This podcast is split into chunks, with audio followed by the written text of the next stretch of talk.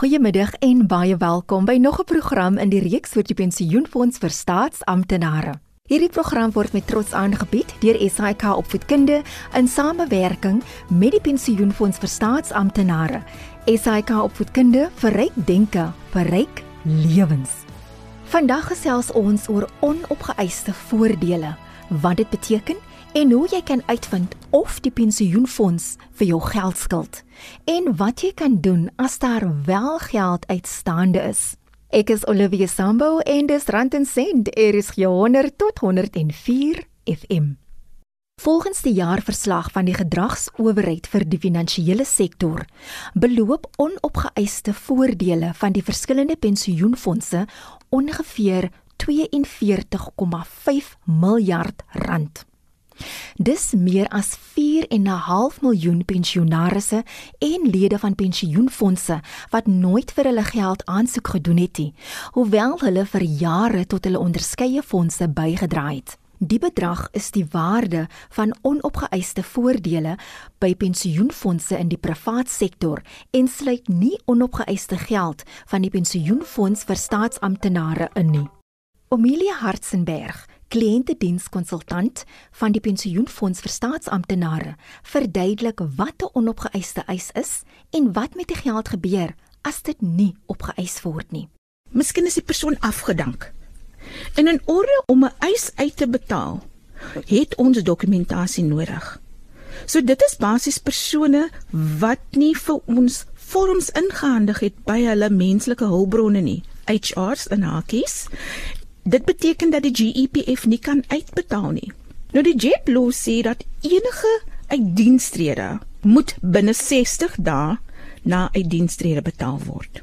So die persoon het uit diens getree, kom ons sê einde Augustus. So September, Oktober, die vorms moes ingehandig gewees het.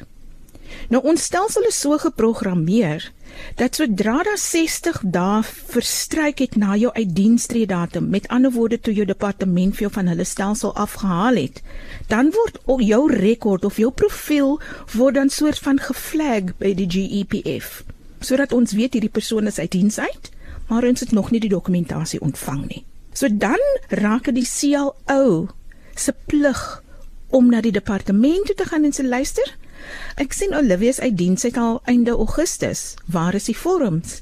En dan gaan die die HR vir my sê, "Amelia, weet jy wat? Die persoon het net verdwyn. Ons kry nie die persoon in die hande nie." En dan sal ons die persoon adviseer. Die HR adviseer, "Luister, kom ons prep hierdie eis vir die onopgeëiste fonds."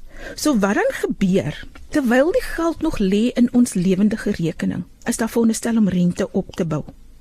Maar sodra ons die geld beweeg van ons lewendige rekening na die onopgeëiste rekening toe, dan word daar nie meer rente bygesit nie. So die JEPLO sê na 60 dae verstryk het, moet daar rente gebou word. Dit is nie iets wat ons graag wil doen nie. Dit is 'n metode wat ons dan gebruik om die geld dan oor te beweeg in die onopgeëiste fondse en dit bly die lid se geld. Mense vra gewoonlik vir my, ja, die fonds vat seker weer die geld terug. Nee, dit bly jou geld. Of jy oor 10 jaar of oor 5 jaar die geld wil opeis, jy is meer as welkom om die GPF te nader en die nodige dokumentasie ons in te handig. Jou ID-dokument, jou bankvorm and that's it en dan betaal ons se geld aan jou. Maar daar is ook gevalle waar lede nie weet dat hulle van die fonds kan eis nie. Weet jy jy is meer as welkom om weer eens van ons instapdienssentrums gebruik te maak reg oor Suid-Afrika of jy mag ons inbeldiensentrum gebruik om net uit te vind um, wat en hoeveel en ons sal die inligting vir jou gee. Jy behoort vir ons 'n Z894 te gee. Dit is nou jou bank besonderhede. Jy moet vir ons 'n ID-dokument gee wat oorspronklik gesertifiseer is en ons doen die uitbetalings. Ons hoofkantoor doen verskriklik baie om hierdie tipe lede op te spoor. Soveel sodat ons so tydjie gelede 'n program geloods het waar ons in die koerante, plaaslike koerante, hierdie lyste sit van onopgeëiste mense. Het sy jy nou geëiwol het of het sy jou ma of jou pa afgesterf het, dan mag jy die GEPF kontak. Indien die geld in die onopgeëiste fonds gedamp is. Ek gaan nou die woord gebruik damp, nê? Nee? Dan in elke provinsie is daar maatskappye aangedui wie die track and tracing doen. So hulle speel dan 007 om hierdie mense te kry en te pleit hulle moenie nodige vorms invul sodat ons die geld kan uitbetaal. Begunstigdes van lede kan ook vir die geld aansoek doen, maar daar is sekere voorwaardes. Eerstens hang dit af of daar begunstigdes is al dan nie, 'n nominasievorm. Tweedens moet ons gaan kyk wat sê die JEP law. En die JEP law sê enige persoon wat legally factually and financially dependent was van die lid mag 'n eis indien. So ons kan nie net verliefs neem ek sê my pa is dood of wat ook al dat ek regtig my pa se kind is nie. Verstaan jy want hoe ja. bewys ek het as my pa nie gesê het Oumelia moet die geld kry nie. Dan gaan Oumelia moet 'n bewys gee dat ek wel die biologiese dogter was van die oorledene. Ek moet die wetgewing moet ek soort van bevredig om te sê legally and factually yes want ek was die persoon se biologiese kind in 'n affidavit vorm. As ek finansiëel afhanklik was van my pa, dan moet ek dit ook kan bewys. En hierdie tipe inligting kan deurgegee word in 'n affidavit vorm. Indien daar nie begunstigdes is nie, en daar is miskien 'n eksekuteur aangestel vir die persoon wat afgesterf het, mag die geld ook in die oorledene se boedelrekening inbetaal word. Weereens, hierdie persoon moes aangedui gewees het deur 'n hof om op te tree as die eksekuteur van die oorledene en dan sal ons dit in 'n boedelrekening kan betaal. 'n Boedelrekening gaan gewoonlik die laaste laaste opsie wees. So met ander woorde, hierdie lid of pensionaris wat afgesterf het, bevredig glad nie ons wetgewing nie. There's nobody that's legally, factually and financially dependent on the deceased as on date of death. So wat doen ons nou? Ons laaste uitweg gaan wees die boedelrekening, want hierdie geld moet uitbetaal word. 'n Gebrek aan voldoende inligting van lede is een van die grootste redes wat lei tot vertragings van uitbetalings of voordele wat nie opgeëis word nie. Dis word lede sterk aangemoedig om gereeld hulle inligting op te dateer by hulle menslike hulpbronne. Wanneer jy van adres verander, 'n nuwe kontaknommer kry of kinders gebore word, moet jy dit by die werk gaan aanmeld as jy 'n aktiewe lid is. Pensionarisse moet hulle inligting direk by die fonds opdateer. Ons stuur nou e-posse uit. As daar iets verander het, as daar briewe moet uitgaan, as daar press releases moet uitgaan, dit is soveel makliker, soveel goedkoper om 'n e-pos aan hulle te stuur as om 'n brief te druk, 'n posseël te koop, in 'n koevert te sit en te pos.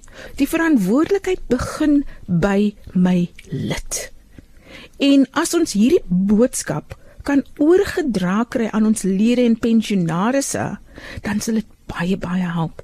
Dan is dit 'n stap in die regte rigting. Ek het onlangs 'n oom ontmoet wat homself 'n OVK oftewel die ouderdom voorkompers noem en hy erken dat hy weier om aan 'n rekenaar te raak. Ek wou weet hoe die fonds dan met ouer mense kommunikeer wat nie 'n rekenaar of slimfoon besit nie. Weet jy wat noem ek dit? Snailmail. Gewone briewe in die pos met 'n posseël in 'n koevert en dan gaan jy na die adres wat ons het op ons rekords. So hulle word glad nie uitgesluit nie, hoor. Ons kan mos nou nie die arme OVK's te nakom nie. Hulle is ook gewaardeerde lede van die fonds. En dit was Amelia Hartzenberg van die Pensioenfonds vir Staatsamptenare in die Wes-Kaap.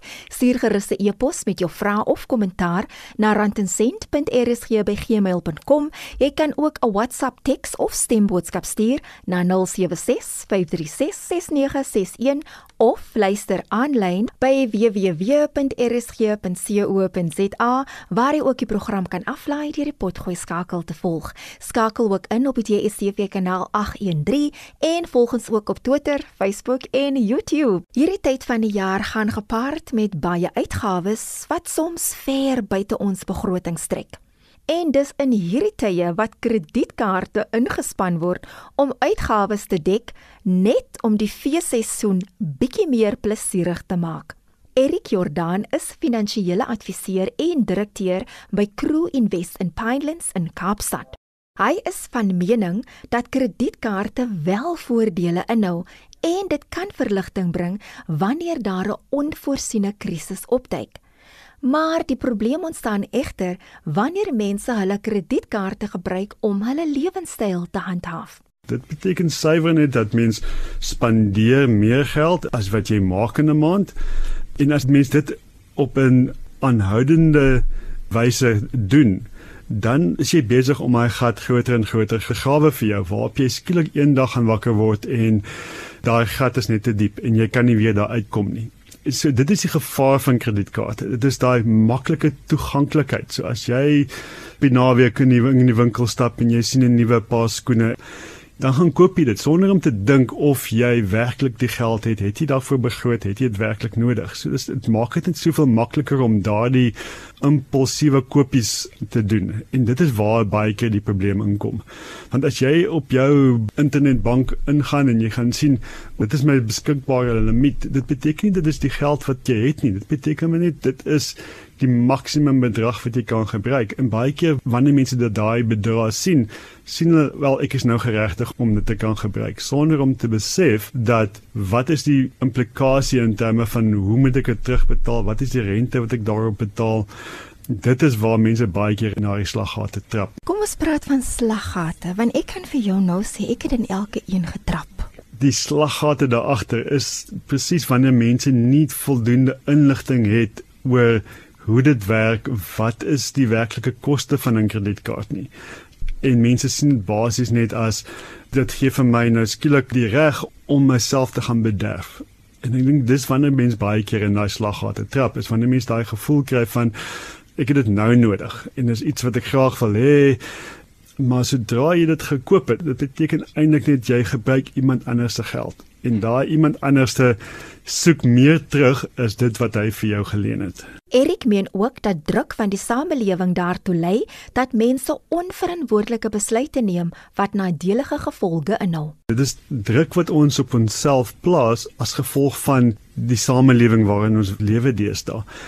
En ek dink baie keer as mens nie die finansiële plan het, 'n rigting het waantoe jy beweeg nie, as jy nie verstaan wat is werklik belangrik nie. Wanneer mens weet waantoe jy werk en wat vir jou belangrik is en jy het 'n doel waantoe jy werk, dan is dit hierdie korttermyn jy moet net maar bederf wat mens vir jouself baie keer doen, dan besef jy wat 'n impak dit gaan jou op hê as jy hierdie geld gaan spandeer. En mens sê nie mens moenie jouself bederf nie, daar's 'n tyd en 'n plek vir alles, maar as mens nie weet wat 'n impak dit het op jou langtermyn beplanning nie, dan is jy swaalf soos 'n skip sonder 'n rigting waarna jy gaan en dan is elke nuwe selfoon of paar skoene wat ook al wat daar is dan gaan jy soveel makliker daai kredietkaart gaan gaan gebruik. Sodra mens daai visie, daai plan het, albei weet waantoe jy op pad is en wat is vir jou belangrik. As mens nog nie daai dinge vir jou duidelik gemaak het nie, dan is dit so moeilik om die regte besluite te kan maak rondom hoe jy jou geld spandeer. Daar is wel maniere om skuld op jou kredietkaart onder beheer te hou. Sodra jy finansiële plan het, met ander woorde jy weet waantoe jy op pad is. Jy het jou begroting gaan doen. Jy weet wat is die geld wat jy in 'n maand in die huishouding inkry gesamentlik. Jy weet waarop daai geld eerstens gespandeer moet word. Jy weet watter persentasie of hoeveel van jou inkomste moet gespaar word. Jy weet wat dit vat om die huishouding aan die gang te kry sodra mens daai tipe van dinge het en jy verstaan waantoe jy op pad is, dan bemagtig jy jouself net soveel meer want sodra mens die kennis het en jy verstaan wat die implikasies is van krediet en om van uh, nog skuld te gaan maak vir iets, dan maak dit net soveel makliker en jy jammer vir die woord maar jy empower jouself dan ook om te verstaan wat die implikasies en dan maak jy nie daai besluit uit die oogpunt van ek wil nou net iets nie sê nie. Jy maak daai besluit uit die oogpunt van ek weet waartoe ek wil op pad is, ek weet wat die implikasies daarvan is. Ek het myself bemagtig om hierdie besluite te kan neem. Daai 5000 of 10000 rand wat jy skuld, is dit 10 of 5000 rand wat jy terugbetaal nie. Dit is dit plus rente. Dis En miskien baie keer die duidelikste wanneer jy miskien na jou huisverband kyk en veral net in die begin jy het nou 'n huis gekoop hier hierdie verband en na eerste paar jaar wat jy afbetaal aan daai verband is daar eintlik niks van die kapitaal wat jy werklik afbetaal nie want die oorgrootste meerderheid van daai maandelikse premie wat jy betaal is suiwer net rente. So die kapitaal wat werklik aan verminder is eintlik in die eerste paar jaar amper niks. En dis iets wat mense baie keer nie besef nie is dat daai 10 of 20000 rand wat jy 'n maand aan jou verband betaal, dis rente wat jy aan die bank betaal en, en die geld wat jy skuld bly amper dieselfde. En dit vat baie jare van daai kapitaal bietjie vir bietjie afkry en dis ook waarom dit ook so belangrik is om om 'n bietjie meer in te betaal op op jou kredietkaart of op die verband om maar ekstra geld in te betaal meer as wat die minimum premie is want dit laat jou kapitaal soveel vinniger verminder en daarmee saam soveel minder rente wat jy hoef te betaal. 'n Persoon het nou daai punt bereik waar hy of sy besef luister. Ek moet nou iets drasties doen om my situasie te verander. Ja. Waar begin jy? Want dit kan oorweldigend wees. En wat ons baie keer voorstel is ons om hierdie probleem in klein deeltjies op te deel. Indien jy daai situasie het, jy waarskynlik meer as een kredietkaart en daar's meer as een plek waar jy geld skuld. En as jy na alles op een slag kyk, kan dit vir jou heeltemal oorweldigend wees. Wat is baie keer 'n voorstel aan kliënte is, kom ons kyk na wat kan ons doen? Waar kan ons 'n begin maak? So ons kyk baie keer na wat die skuld is en dan kyk ons na waar of betaal jy die meeste rente of watter van daai kaarte skuld jy die minste op. En dan kom ons begin nou 'n plan bymekaar stel en te sê goed, kom ons probeer van hierdie kaarte een vir een die skuld op te delg. En dan begin jy daai bietjie daai 100 rand of 200 rand ekstra 'n maand op die kleinste skuld te betaal. Wanneer daardie skuld klaar betaal is, dan vat ons daai geld wat jy daai skuld betaal het en ons sit by by die volgende kredietkaart se skuld. En ons begin vinniger op daai en afbetaal.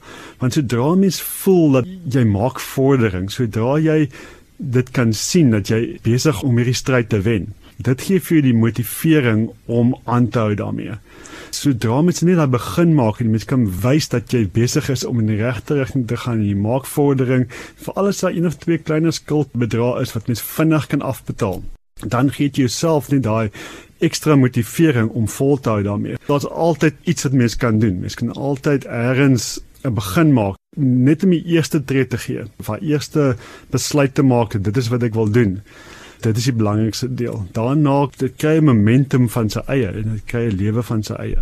Om uit 'n finansiële verknorsing te kom, gaan nie oornag gebeur nie. En dis noodsaaklik dat jy die regte ondersteuning het tydens die moeilike pad na herstel. Baie keer vat dit 'n bietjie langer om daar uit te kom, maar dis hoekom dit belangrik is dat jy ook mense rondom jou het wat jou gaan help hierdeur. Want want daar gaan moeilike tye wees. Daar gaan tye wees van jy dink, "Ag, oh, ek weet nie meer of dit meer nie moet wees. Ag, kom, kom ons kry maar net nog 'n ekstra skuld want ek gaan in elk geval nie hierdie stryd wen nie." Mense het uh, jammer vir die Engelse woord support structure rondom jou nodig. Mense wat jou gaan help en jou op die regte pad hou. Mens kan nie hierdie tipe van dinge op jou eie doen nie. Mens het daai mense nodig wat in jou lewe is wat weet wat jy graag wil bereik en jy gaan help om daarbey uit te kom. Aan die woord was Erik Jordaan van Crew Invest in Kaapstad. As jy 'n staatsamptenaar was en nooit jou pensioenvoordele geëis het nie, ongeag wat die rede was, of as jy weet van 'n gewese staatswerker wat nie geëis het nie, word jy tog sterk aangemoedig om in verbinding te tree met die pensioenfonds vir staatsamptenare. Dit mag dalk net die finansiële uitkoms bied wat jy nou nodig het. Onthou vir meer inligting oor die pensioenfonds vir staatsamptenare kan jy na enige van hulle instapsentrums gaan. Jy kan hulle ook gaan besoek by een van die sewe satellietkantore of jy kan die tolvrye nommer skakel by 0800 117669. Dan kan jy ook 'n e-pos stuur na inquiries@gepf.co.za of die webtuiste besoek by www.gepf.co.za en jy kan ook op Twitter met die fonds in verbinding tree. Hierdie program word weer Woensdagoggend om 04:30 herhaal. Dis tot siens van my Olivia Sambo tot volgende Sondagmiddag om 4:00. Ry veilig, wees veilig en geniet die week waar jy ook al mag wees.